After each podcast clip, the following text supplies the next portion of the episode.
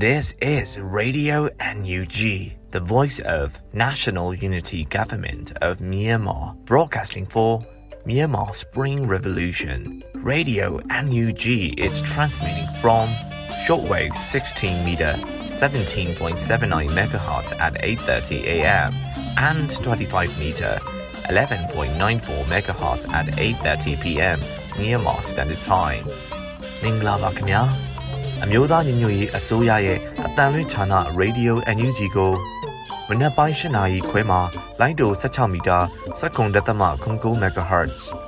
ညပိုင်း၈နာရီခွဲမှာလိုင်းတို25မီတာ17တက်သမ6 MHz တို့မှာဓာတ်ရိုက်ဖမ်းယူနိုင်နိုင်ပါပြီမင်္ဂလာအပေါင်းနဲ့ပြည့်စုံကြပါစေအခုချိန်ကစပြီး Radio NUG အစီအစဉ်တွေကိုဓာတ်ရိုက်အတန်လွှင့်ပေးနေပါပြီ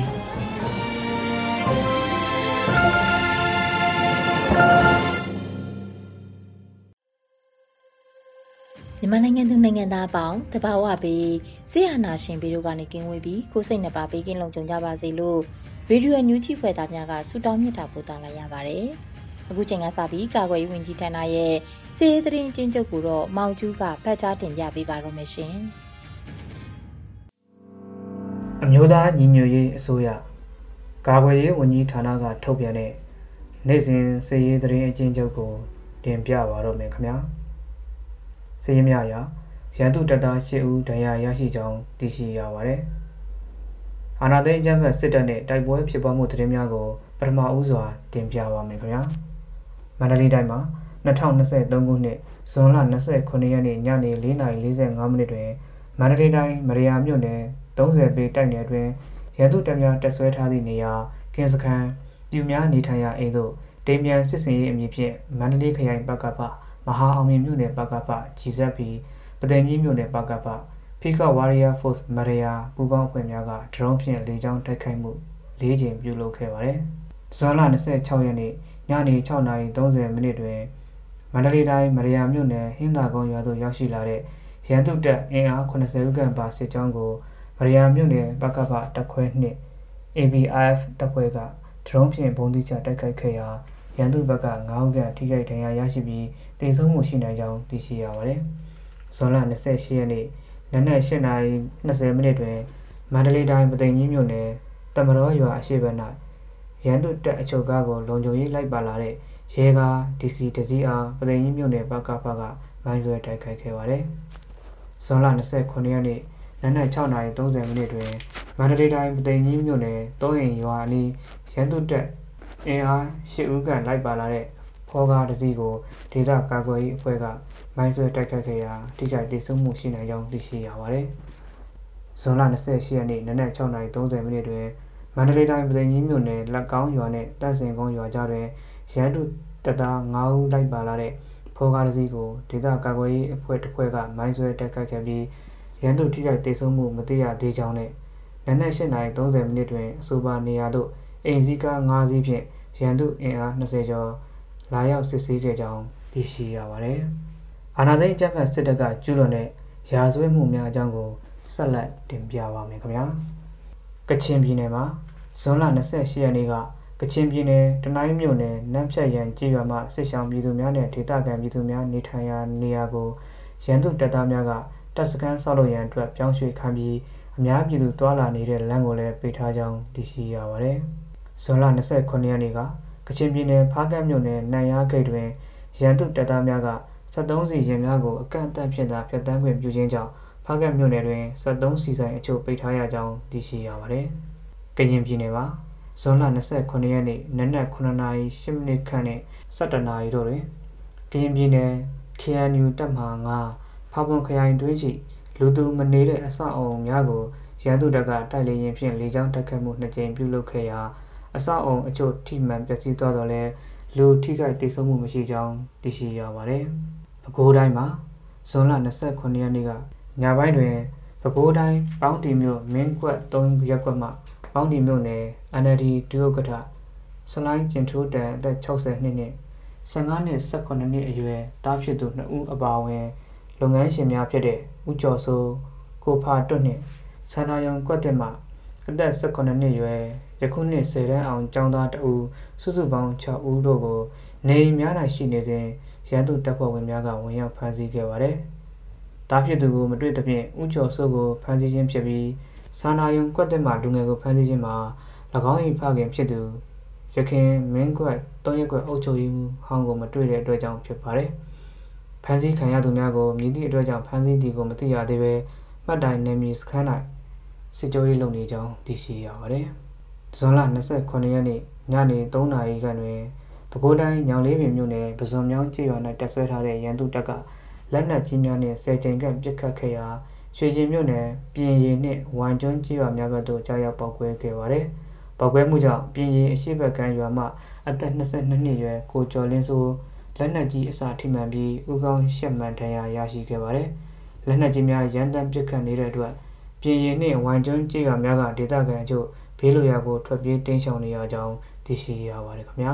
။ဇွန်လ28ရက်နေ့နနက်10:30မိနစ်တွင်မန္တလေးတိုင်းမန္တလေးမြို့2880လမ်းကြားဒက်ဘာဘီကျူဘေးဝန်းအတွင်းရှိအိမ်များကိုဖျက်ရန်ရန်သူတပ်ဖွဲ့ဝင်များစီပင်များအင်အားအများအပြားဖြင့်နှစ်နာရီအတွင်းပစ္စည်းများတင်ခိုင်းနေပြီးပြည်သူများ၏ပစ္စည်းများကိုအတင်းဝင်ရောက်ဖျက်ဆီးနေကြောင်းသိရှိရပါသည်။ဇွန်လ28ရက်နေ့နနက်10:25မိနစ်တွင် မန္တလေးတိုင်းမန္တလေးမြို့51 52လမ်း100ခွန်108လမ်းအနီးတစ်ပါးရှိပြည်သူပိုင်အိုးအိမ်များကိုရန်သူတပ်ဖွဲ့ဝင်များက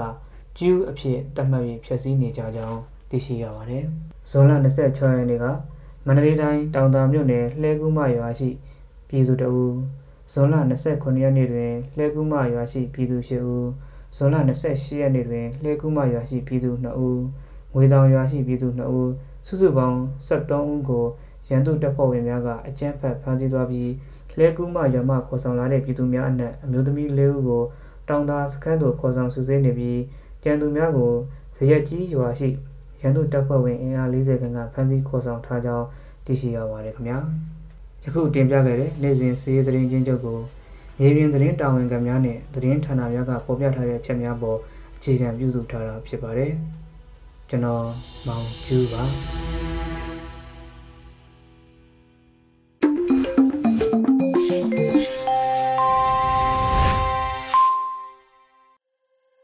ရေဒီယိုညူချီရဲ့မနက်ခင်းစီစဉ်တွေကိုဆက်လက်တင်ပြနေပါတယ်။အခုဆက်လက်ပြီးပြည်တွင်းသတင်းတွေကိုတော့နှွေဦးမွန်ကဖတ်ကြားတင်ပြပေးပါတော့မယ်ရှင်။2023ခုနှစ်ဇွန်လ29ရက်နေ့ရေဒီယို NUG မနက်ခင်းပြည်တွင်းသတင်းတွေကိုတင်ပြပေးသွားမှာဖြစ်ပါတယ်။ကျွန်မကတော့နှွေဦးမွန်ပါ။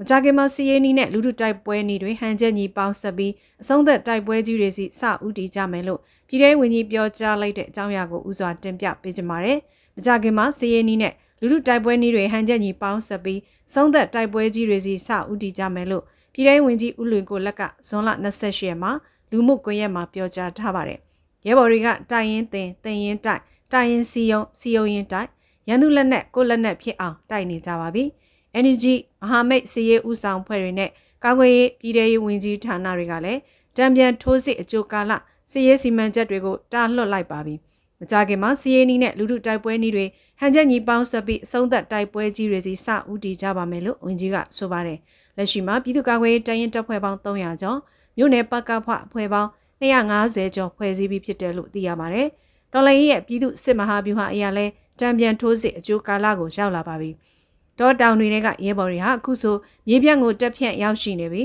။စစ်တောင်းတွေမြန်မာတိုက်ပွဲဖော်နေကြပါပြီ။အိမ်ပြန်လန်းကိုမြင်နေရလို့တက်ကြွနေကြတဲ့ရဲဘော်တွေရဲ့မျောလင့်ချက်တွေကပြည်တော်စုရဲ့တပ်ဦးရောင်ကြီးဖြစ်ပါတယ်။ကျွန်တော်တို့တော်လိုင်းဟာဒုတိယနဲ့တတိယအဆင့်ဂျားကိုရောက်နေပါပြီ။နောက်ဆုံးဆင့်ကိုအရှိန်ဟုန်နဲ့သုံးသက်တိုက်ပွဲတွေဆင်နွှဲနိုင်ဖို့မိကုံရန်ကုန်ရေကုန်ရေကန်းပြည်သူအလုံးတိုက်ပွဲဝင်ရတော့မှာဖြစ်ပါတယ်လို့ပြည်ထောင်ဝင်ကြီးကထပ်မံဆိုပါတယ်ရှင်။ ဂျာကာလာဒေသန္တရပြည်သူ့အုပ်ချုပ်ရေးဖော်ဆောင်မှုဗဟိုကော်မတီနဲ့မန္တလေးတိုင်းမကွေးတိုင်းမြို့နယ်ပြည်သူ့အုပ်ချုပ်ရေးဖွဲ့များတွဲဆုံဆွေးနွေးတဲ့တရင်ကိုဆက်လက်တင်ပြပေးပါမယ်။မြို့သားညီညွတ်ရေးအစိုးရဂျာကာလာဒေသန္တရပြည်သူ့အုပ်ချုပ်ရေးဖော်ဆောင်မှုဗဟိုကော်မတီနဲ့မန္တလေးတိုင်းမကွေးတိုင်းမှမြို့နယ်ပြည်သူ့အုပ်ချုပ်ရေးဖွဲ့များတွဲဆုံဆွေးနွေးပွဲအစည်းအဝေး20မြင်းဆောင်2023ကိုဇွန်လ28ရက်မှာကျင်းပခဲ့ပါတယ်။အစည်းအဝေးမှာဂျာကာလာဒေသနာပြည်သူ့အုပ်ချုပ်ရေးဖော်ဆောင်မှုဗဟိုကော်မတီအဖွဲ့ဝင်အလုံသမားဝန်ကြီးဌာနပြည်ထောင်စုဝန်ကြီးနိုင်သူဝနမှ အဖွဲ့မှစကားပြောကြားခဲ့ပါတယ်။ဆက်လက်ပြီးဝန်ကြီးဌာနများမှဌာနနဲ့သက်ဆိုင်သူများကိုပြောကြားခဲ့ပြီးမြို့နယ်ပြည်သူ့အုပ်ချုပ်ရေးဖွဲ့ဝင်များမှမူဝါဒလမ်းညွှန်ချက်များလုပ်ငန်းဆောင်ရွက်ချက်များမြေပြင်ခက်ခဲများနဲ့ပတ်သက်၍သိရှိလိုသည့်များကိုမေးမြန်းခဲ့ကဝန်ကြီးဌာနမှတာဝန်ရှိသူများမှပြန်လည်ဖြေကြားခဲ့ပြီးနောက်ဂျာကန်လာဒေသန္တရပြည်သူ့အုပ်ချုပ်ရေးဖော်ဆောင်မှုဗဟိုကော်မတီအဖွဲ့ဝင်တရားရေးဝန်ကြီးဌာနပြည်ထောင်စုဝန်ကြီးဦးသိန်းဦးမှညီကုန်းချုပ်စကားပြောကြားခဲ့ပါတယ်။တွေ့ဆုံပွဲသို့ပြည်ထောင်စုဝန်ကြီးများအမြဲတမ်းအတွင်းဝင်များ တွဲဘက်အတွင်းဝင်များဌာနဆိုင်ရာများမှတာဝန်ရှိသူများနဲ့မန္တလေးတိုင်းမကွေးတိုင်းမှမြို့နယ်ပြည်သူ့အုပ်ချုပ်ရေးအဖွဲ့ဝင်များတက်ရောက်ခဲ့ကြပါတယ်ရှင်။ဇူလိုင်တရက်အမေရိကန်ပြည်ထောင်စုမှာကျင်းပမဲ့တမ်မတ်ကြီးဦးကျော်မိုးထွန်းနဲ့တွေ့ဆုံပွဲတော်လိုင်းအင်အားစုမြည်သူမဆိုတက်ရောက်နိုင်တဲ့ဆိုတဲ့အကြောင်းအရာကိုလည်းတင်ပြပေးပါဦးမယ်။ဇူလိုင်တရက်နေ့အမေရိကန်ပြည်ထောင်စုမှာကျင်းပမဲ့တမ်မတ်ကြီးဦးကျော်မိုးထွန်းနဲ့တွေ့ဆုံပွဲကိုတော်လိုင်းအင်အားစုမြည်သူမဆိုတက်ရောက်နိုင်တယ်လို့ဆိုပါတယ်။ဇူလိုင်28မှာ ပွဲဖြစ်မြောက်ရေးတာဝန်ရှိသူကိုအောင်ကျော်မြင့် UTR နယူးယောက်ကခုလိုပြောပါတယ်။ဒီအမေရိကန်ပြည်တော်စုနယူးယောက်ပြည်နယ်အထက်ပိုင်းမှာဇူလိုင်၁ရက်နေ့စနေနေ့ပေါ့နော်မြန်မာနိုင်ငံရဲ့နေဦးတော်လိုင်းရဲ့သူရဲကောင်းတာမကြီးဦးကျော်မထွန်းနဲ့မြန်မာဒီမိုကရေစီအင်အားစုတွေနေဦးတော်လိုင်းမိသားစုတွေအင်အားစုတွေနဲ့တွေ့ဆုံဖို့အစီအစဉ်ရှိပါတယ်။တော့အဓိကတော့ဒီတာမကြီးကျွန်တော်ရှိကိုရောက်လာတယ်နေဦးတော်လိုင်းမိသားစုတွေနဲ့တွေ့ဆုံတယ်။ ဒီຫນွေဦးတော်လိုင်းဆိုင်ရာဖြစ်ပေါ်တိုးတက်မှုတွေကိုဖလှယ်မယ်ကျွန်တော်ရှိကလည်းမေးချင်တဲ့မေးခွန်းတွေမေးမြန်းမယ်။အဲတမ်မကြီးကလည်းဖြေနိုင်တော့ဖြေမယ်ပေါ့နော်။အထက်ကတော့ဒီနွေဦးတလိုင်းအင်အားစုတွေကြားထဲမှာညီညွတ်မှုနောက်တခြားထောက်ပံ့အင်အားစုတွေအားရင်ပို့ပြီးတော့ကောင်းလာဖို့ဒါတွေပါတယ်နားလည်မှုပိုမြင့်လာပြီးတော့ဒီနွေဦးတော်လိုင်းရဲ့ပုံမှာပို့ပြီးတော့ကျွန်တော်တို့ site ထုတ်လာနိုင်ဖို့ဒီရွယ်ချက်တွေပါပါတယ်နောက်တစ်ခုက ကျွန်တော်ဒီပွဲကနေပြီးတော့တကဘာလုံးမှာရှိရဲ့ကဘာခေါင်းဆောင်နေနိုင်ငံအသီးသီးအလူကိုကျွန်တော်ပြောချင်တာတမတ်ကြီးဒီအဲကျွန်တော်တို့ရဲ့ voice ဖြစ်တယ်ဒီမြမပြည်သူတရက်လုံးရဲ့အတန်ကိုတမန်ကြီးကအစစ်အမှန်ကိုစားပြုတယ်အဲသူဒီဒီမြန်မာပြည်သူလူထုပေါ့နော်ဟိုဒုက္ခပေါင်းစုံခံစားပြီးရင်ဆိုင်နေရမြန်မာပြည်သူလူထုရဲ့ဟိုအထိုက်တန်ဆုံးကိုစားပြုတဲ့ကိုယ်စားလှယ်ဖြစ်တယ်အဲ့ဒါကိုကျွန်တော်တို့ကအဲဝိုင်းဝန်းထောက်ခံကြောင်းပြသခြင်းတယ် နောက်တစ်ခုကတကွာလုံးမှာရှိတဲ့ခေါင်းဆောင်တွေကိုပဲတမတ်ကြီးရဲ့ဒီအခုကိုစားပြုမှုဟာဆက်လက်တည်ရှိနေဖို့ကျွန်တော်တို့တောင်းဆိုတယ်ဆိုတော့ဒီချက်ဒီရွယ်ချက်ဒီအတွက်ကိုကျွန်တော်တို့က community နဲ့တွေ့ဆုံပွဲကိုကျွန်တော်စီစဉ်တာဖြစ်ပါတယ်ဒီပွဲကိုစီစဉ်တဲ့ဒီ sponsor အဖွဲ့ကတော့ United Hands for New Myanmar အာနယူးယောက်ပြည်နယ်အထက်ပိုင်းမှာရှိရဲ့အဖွဲ့တစ်ခုဖြစ်ပါတယ်ကျွန်တော်လည်း one of the founder ပါဆိုတော့ဟို ကြားတဲ့အင်အားစုတွေလာကြပါကျွန်တော်ရှိမှဆိုရင်နယူးယောက်ပြည်နယ်အထက်ပိုင်းဖြစ်တဲ့အတွက် Albany Syracuse ပတ်ဝန်းကျင်မြို့တွေပေါ့နော် Ithaca Buffalo စတဲ့ရဲဘော်အင်အားစုတွေကျွန်တော်ဖိတ်ကြားထားရှိပါတယ်ဒီထဲမှာနိုင်ငံရေးကျင်းသားဟောင်းတွေဒီ ABSDF နဲ့တိုင်းသားဟိုလက်နက်အင်အားစုကရဲဘော်ဟောင်းတွေနောက်နေဦးတလိုင်းမှာထောက်ပံ့မှာဆွမ်းသန်းတမန်လုပ်နေကြတဲ့ပုံကိုယ်တွေနောက်ပြီးတော့အခြားဒီတိုင်းသားဆိုင်ရာအင်အားစုတွေ ဘဝမွတ်စလင်လိုမိသားစုအတိုင်းဝိုင်းနေအပဝင်ပေါ့နော်အကုန်လုံးအဲစုပေါင်းညီညာတွေ့ဆုံဆွေးနွေးကြဖို့ရှိပါတယ်တမ္မကြီးဦးကျော်မိုးထွန်းဟာနယူးဒေါ်လင်းမှာစီရီယမ်လှုပ်ဆောင်တဲ့စံနမူနာပြတမ္မကြီးတူလည်းဖြစ်ပါတယ်ရှင်ဇွန်လ၁ရက်နေ့မှ28ရက်နေ့အထိနိုင်ငံတော်ဝန်ဂျမ်ဘတ်စီအုပ်စုရဲ့လေကြောင်းတိုက်ခတ်မှုကြောင့်12ဦးသေဆုံးခဲ့တဲ့ဆိုတဲ့သတင်းကိုလည်းတင်ပြပေးပါမယ်။နိုင်ငံအကျဉ်းသားများကူညီဆောင်ရှောက်ရေးအသင်းမှကောက်ယူထားသောအချက်အလက်အရဇွန်လ၁ရက်နေ့မှ28 ရက်နေ့အထိနိုင်ငံတော်ဝန်ဂျမ်ဘတ်စီအုပ်စုရဲ့လေကြောင်းတိုက်ခတ်မှုကြောင့်12ဦးသေဆုံးခဲ့တယ်လို့သိရပါဗျ။2023ခုနှစ်ဇွန်လ၁ရက်နေ့မှ28ရက်နေ့အထိနိုင်ငံတော်ရဲ့ဂျမ်ဘတ်စစ်အုပ်စုရဲ့လေကြောင်းတိုက်ခတ်မှုကြောင့်12ဦးသေဆုံးခဲ့ပြီးစကိုင်းတိုင်းမှာ10ဦးဖြင့်အများဆုံးသေဆုံးမှုဖြစ်တယ်လို့ဆိုပါတယ်။ဇွန်လ29ရက်နေ့ကလည်းစကိုင်းတိုင်းပလဲမြို့နယ်ညောင်ကုန်းကျေးရွာကိုဂျမ်ဘတ်စစ်အုပ်စုကတဒုံးလေးစိမ့်မှတိုက်လျင်ဖြင့်တိုက်ပွဲဖြစ်ပွားခြင်းမရှိဘဲအကြောင်းမဲ့ဘုံကျဲတိုက်ခိုက်ခဲ့တာကြောင့် တန်ဃာတော်တစ်ပါးနဲ့ဒေသခံရှိဦးသေဆုံးခဲ့ရပါတယ်။ဒါအပြင်ထိခိုက်ဒဏ်ရာရရှိသူများနဲ့တဦးထပ်မံသေဆုံးခဲ့တာကြောင့်စုစုပေါင်း10ဦးသေဆုံးခဲ့ပြီးဘုံကြီးကျောင်းနဲ့နေအိမ်73လုံးပျက်စီးခဲ့ပါတယ်ရှင်။ခောက်ကူမျိုးဘက်မှကမ္မမျိုးဘက်သို့လာသောစစ်ကောင်စီကားလေးစီအားကန်တော်နဲ့ကမ္မကြားမှာမိုင်းလေးလုံးဆွဲတိုက်ခိုက်ခဲ့တဲ့တဲ့ရင်ကိုလည်းတင်ပြပေးပါမယ်။ခောက်ကူမျိုးဘက်မှကမ္မမျိုးဘက်သို့လာသောစစ်ကောင်စီကားလေးစီကိုကန်တော်နဲ့ကမ္မကြားမှာ မိုင်းလေးလုံးဆွဲတိုက်ခိုက်ခဲ့တယ်လို့ဇွန်လ28ရက်မှာစီးရဲတဲ့ရင်ကိုမြိုင်ပကဖကအသိပေးဆိုပါတယ်။ဇွန်လ29ရက်နေ့လယ်2နာရီကျော်ခန့်ကခခုမျိုးဘက်မှကမ်းမမျိုးဘက်သို့လာသောစစ်ကားလေးစီးအားကန်တော်နှင့်ကမ္မကြားတွင်မိုင်းလေးလုံးဆွဲတိုက်ခိုက်ခဲ့ရာရေမော်ဘစစ်ကောင်စီများ6ဦးတန်ရာရရှိပြီးစစ်ကောင်စီတအူးဖျားမိုးကများဖြင့်သေဆုံး၍ပတ်သွားပြီးလန်ကင်းယူထားသောစစ်ကောင်စီပြူများအီနာကခြိုက်ရကြောက်လက်ထွက်ပြေးကြပါတယ်လို့ဆိုပါတယ်ယခုတိုက်ခိုက်မှုတွင် PKU သူရိ Black Cobra မြိုင်ပကဖတရင်တစ်တက်ခွဲလေးတက်စိတ်တစ်တက်စိတ်လေးတို့ပူးပေါင်းဆောင်ရွက်ခဲ့ပါတယ်။အလားတူနှစ်နှစ်ပိုင်း၁၇နိုင်ဝန်းကျင်ခန့်မှာပခုတ်ကူမှထွက်လာတဲ့စစ်ကောင်စီကားတစ်စီးကိုကျွေးမပြူစခန်းနဲ့တရက်ကန်ပြူစခန်းကြားတွင်ကာကွယ်တပ်ဖွဲ့များကမိုင်းပွိုင့်၄ပွိုင့်မိုင်းကြီးရှစ်လုံးဖြင့်မိုင်းဆွဲတိုက်ခိုက်ခဲ့ရာကားမှာပျက်စီးရတဲ့သွားပြီးမြိုင်ကမ်းမလမ်းမှာလည်းလုံးဝပျက်စီးသွားခဲ့ပါတယ်။အရက်သတင်းအရ ကျွေးမပြူစခန်းတွေမှာငိုတယ်များကြားနေရပြီးစစ်ကောင်စီဘက်က9ဦးထပ်မံသေဆုံးနိုင်ကအများအပြားထိခိုက်နိုင်ကြောင်းသိရပါတယ်။28ရက်မနက်ပိုင်း၄နာရီခွဲခန့်တွင်လည်းမြိုင်မထွက်လာတဲ့စစ်ကောင်စီစစ်ကြောင်းသည်မနေ့ကပေပင်တိုက်တွင်နားပြီးတရက်ကန်ပြူစခန်းသို့ဆက်လက်သွားရင်မိမိတို့တပ်ဖွဲ့များကကြားဖြတ်၍မိုင်းဆွဲတိုက်ခိုက်ခဲ့ပြီးနှစ်ဦးသေဆုံးသွားခဲ့ပါတယ်လို့ဆိုပါတယ်ရှင်။ စစ်ကောင်စီတပ်များတပ်ဆွဲထားတဲ့စလင်းကြီးမြို့နယ်ကစမှုတစ်ချီမြင့်ဆက်ယုံကိုလက်နက်ကြီးများနဲ့ကာကွယ်တပ်များစုပေါင်းပစ်ခတ်ခဲ့တဲ့တဲ့ရင်ကိုတင်ပြပေးပါအောင်မယ်။စစ်ကောင်စီတပ်များတပ်ဆွဲထားတဲ့စလင်းကြီးမြို့နယ်ကစမှုတစ်ချီမြင့်ဆက်ယုံကိုလက်နက်ကြီးများနဲ့ကာကွယ်တပ်များစုပေါင်းပစ်ခတ်ခဲ့တယ်လို့ဇွန်လ28ရက်မှာစီးရဲတဲ့ရင်ကိုအနာရှင်တော်လိုင်းပြည်သူတပ်မတော်ကဆိုပါတယ်။ဇွန်လ24ရက်မနက်3နာရီအင်အား100ခန့်ပါသောကာကွယ်ရေးတပ်များမှအင်အား150ခန့်တပ်ဆွဲထားသောစလင်းကြီးမြို့နယ်က စမှုတစ်ချီမြင့်ဆက်ယုံကိုလက်နက်ကြီးများနဲ့အလုံးတရာခန့်ပစ်ခတ်ခဲ့တယ်လို့ဆိုပါတယ်။တိုက်ခိုက်မှုကြောင့်စစ်ကောင်စီတပ်ရဲ့အဆောက်အဦများထိမှန်ပျက်စီးခဲ့တော့လဲထိခိုက်ပျက်စီးမှုအတိအကျကိုမသိရသေးဘူးလို့ဆိုပါတယ်။ကာကွယ်တပ်များဟာမနက်၄နာရီမှာပြန်လည်ဆုတ်ခွာခဲ့ပြီးအထိခိုက်မရှိဘူးလို့ဆိုပါတယ်ရှင်။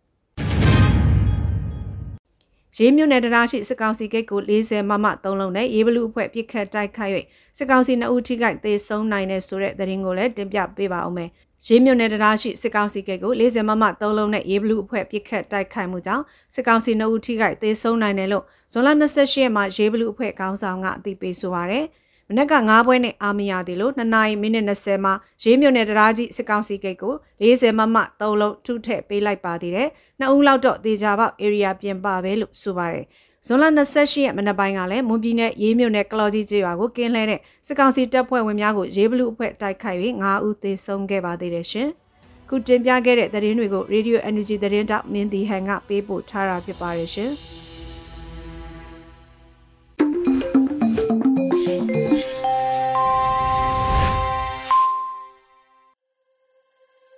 ရေဒီယိုညူးချီကိုနားတော်တာဆင်နေတဲ့ပရိသတ်များရှင် အခုဆက်လက်ပြီးနားဆင်ကြရမှာကတော့တော်လှန်ရေးကဗျာအနေနဲ့လူသိန်းပေါ်လို့အမည်ရတဲ့တော်လှန်ရေးကဗျာကိုစေတာကရေးသားပြီးလွတ်လပ်နေဦးကခန်းစားရွတ်ဖတ်ထားတာကိုနားဆင်ကြရတော့မှာဖြစ်ပါတယ်ရှင်လူသိန်းပေါ်လူတယောက်ဟာတင်းမောတစ်စင်းလိုစိုက်ကပ်ရမယ်အချိန်ရှိတယ်လို့ထွက်ခွာရမယ်အချိန်လည်းရှိတယ်ဒါပေမဲ့ငါမထွက်ခွာခြင်းသေးဘူး ဒါပေမဲ့အချိန်စိတ်ရင်ငါထွက်ခွာရမယ်ကန်းဆိုတဲ့အချိန်မြို့ကြီးတစ်မြို့မှာငါပြန်မထွက်ခွာခင် နေရတဲ့နာယီအင်္ဂလိပ်ထဲမှာအိုမင်းရင့်ရော်နေတဲ့ငါအဖေနဲ့ငါအမေကို အချိန်ရသလောက်ငါပြုစုစောင့်ရှောက်ခြင်းသေးတယ်လူအဖြစ်ရဲ့တက်တန်းတစ်လျှောက်မလိုချင်ပဲရခဲ့တဲ့ ငါဝေစုဒုက္ခတစ်တာကိုငါလိုပဲသွေးဆုပ်ခံနေရသူတွေနဲ့အတူမူလပိုင်ရှင်ဖြစ်တဲ့သွေးဆုပ်ဖုတ်ကောင်တွေစီပြန်ပေးအပ်ခြင်းသေးတယ်ဒုက္ခရဲ့မခံမရနိုင်တဲ့နာကျင်မှုဝေဒနာဆိုးသွေးဆုပ်ဖုတ်ကောင်တွေလည်းခံစားညှိကြည့်စေခြင်းသေးတယ်ငါငငယ်တုန်းကငါမသိခဲ့လို့ငါတတ်မိခဲ့တဲ့ ပရွတ်စိတ်တွေမွေတွေကိုလည်းငါအသက်ပြန်သွင်းပေးခြင်းသေးတယ်ငါငယ်ငယ်တုန်းကကြီးနိုင်ငယ်ညှင်းစိတ်နဲ့ငါထိုးခဲ့တဲ့ငါတငယ်ချင်းကိုငါပြန်တောင်းပန်ခြင်းသေးတယ်ထူအိမ်တင်ရဲ့လူနဲ့အင်ကြီးတချင်းကိုငါနားထောင်ပြီးတိုင်းငါဟာအလိုလိုသေးငယ်သွားတယ်ငါဟာကဘာမြေကိုရောစရာအကျွေးတွေ ငါပြန်ပေးဆက်ရအောင်မယ်ငါဟာလူအဖြစ်မှာလူတွေအပေါ်ငါကောင်းခဲ့တာတွေရှိတယ်လို့မကောင်းခဲ့တာတွေလည်းရှိတယ်ငါတင်ပေါ်အချိန်စိတ်ကန်းကမခွာခင်ငငါစိတ်ရဲ့စိတ်တစရောင်စုံပကြီးကားတစ်ချက်ကိုငါအပိသက်ရေးဆွဲရမယ်သင်္ကေတအမှန်လွန်ကဗျာရှည်တစ်ပုတ်ကိုငါရေးဖွဲ့ရအောင်ပြီးတော့မှ ငါသင်းဘောကိုကန်းကခွာပြီးပင်လေပြင်မှာလေးနှင်ရာရွက်လွှတ်ရမယ်စေတတ်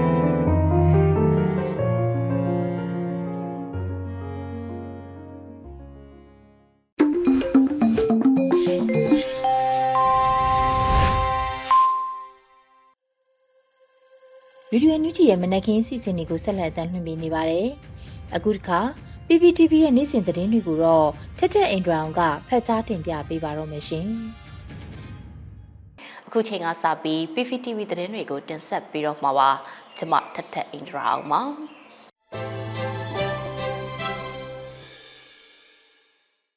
ပထမအဆုံးတင်ဆက်ပေးခြင်းတဲ့သတင်းကတော့အလုတ္တမအခွင့်အရေးချိုးဖောက်မှုမဟုတ်ဘဲရာဇဝတ်မှုမြောက်တဲ့ပူးပေါင်းဆောင်ရွက်မှုတွေကိုလုပ်ငန်းရှင်တွေအနေနဲ့အထူးရှောင်ရှားဖို့နဲ့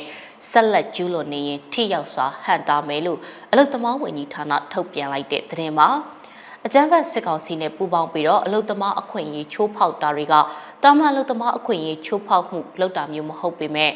ရာဇဝတ်မှုမြောက်တဲ့ပူးပေါင်းဆောင်ရွက်မှုတွေဖြစ်နေတာကြောင့်လုပ်ငန်းရှင်တွေအနေနဲ့လည်းအထူးရှောင်ရှားကြဖို့နဲ့ဆက်လက်ကျူးလွန်နေရင်ထိရောက်တဲ့ဟန်တာအရေးယူမှုတွေဆောင်ရွက်သွားမယ်လို့အမျိုးသားညီညွတ်ရေးအစိုးရအလုတ္တမဝန်ကြီးဌာနကထုတ်ပြန်ကြေညာလိုက်ပါတယ်။ ပြည်တွင်းမှာရက်တီလောက်ကိုင်းနေတဲ့လုပ်ငန်းရှင်တွေအနေနဲ့အလုတ္တမအခွင့်အရေးတွေစံတန်မိုးတွေကိုလေးစားလိုက်နာကြဖို့အထူးလိုအပ်တယ်လို့ဆိုပါတယ်။အကြမ်းဖက်စစ်ကောင်စီဩဇာခံလုပ်ငန်းရှင်တွေက2021ခုနှစ်ဖေဖော်ဝါရီလ1ရက်နေ့ကစပြီးအလုတ္တမတက်မကခေါင်းဆောင်တွေနဲ့အဖွဲ့ဝင်တွေကိုအလုတ်ကနေထုတ်ပြခြင်းဖမ်းဆီးခြင်းချင်းချောက်ခြင်းလွတ်လပ်စွာတင်ပင်ဖွဲ့စည်းခွင့်စုပေါင်းအရေးစုခွင့်နဲ့စီယုံခွင့်ကိုပိတ်ပင်တားမြစ်ခြင်း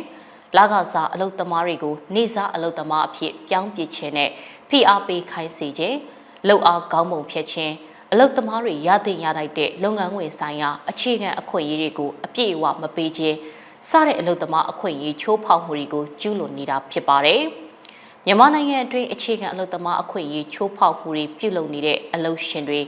brand buyer တွေကိုနိုင်ငံတကာပြဋ္ဌာန်းချက်တွေနဲ့အညီထိရောက်စွာအရေးယူဆောင်ရွက်နိုင်မှုအတွက်အမျိုးသားညီညွတ်ရေးအစိုးရအလုတ်သမားဝန်ကြီးဌာနအနေနဲ့ ILO နဲ့ပူးပေါင်းဆောင်ရွက်နေတယ်လို့လည်းသိရပါဗျ။အလုတ်သမားအဖွဲ့အစည်းတွေနိုင်ငံတကာအဖွဲ့အစည်းတွေအနေနဲ့လည်းမြန်မာနိုင်ငံအတွင်းအလုတ်သမားအခွင့်အရေးနဲ့လူခွင့်ရေးချိုးဖောက်ခံရမှုတွေကိုအမြင့်ဆုံးရပ်တန့်နိုင်ရေးနဲ့ကျူးလွန်သူတွေကိုထိရောက်စွာအရေးယူနိုင်ရေးတက်ကြွစွာနဲ့ပူးပေါင်းပါဝင်ဆောင်ရွက်ပေးကြစို့ အလုတ်သမားဝန်ကြီးဌာနကတိုက်တွန်းထားတာကိုတွေ့ရပါတယ်။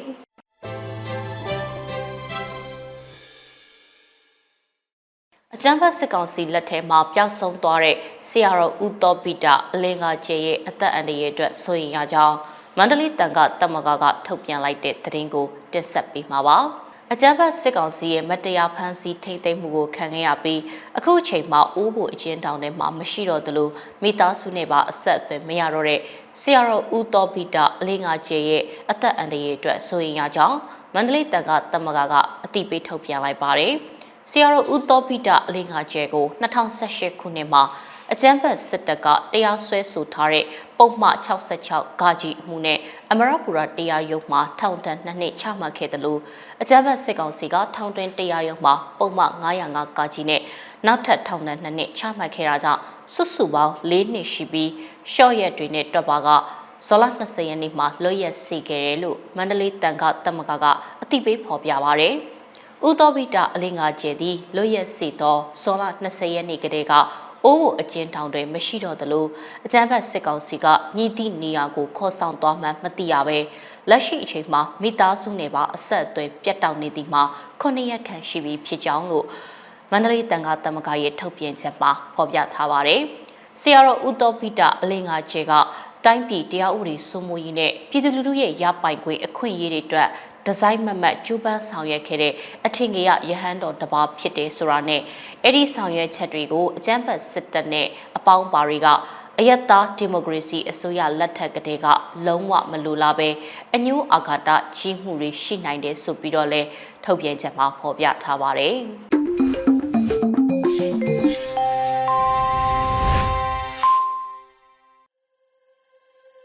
တော်တာရှင်များရှင်အခုနောက်ဆုံးအနေနဲ့ထုတ်လွှင့်ပေးမှာကတော့တော်လှန်ရေးတိဂီတာအစီအစဉ်ဖြစ်ပါတယ် Generation 2021ရဲ့ပြည်သူတွေရဲ့အတန်းလို့အမည်ရတဲ့တော်လှန်ရေးတိဂီတာကိုနားဆင်ကြရတော့မှာဖြစ်ပါတယ်ရှင်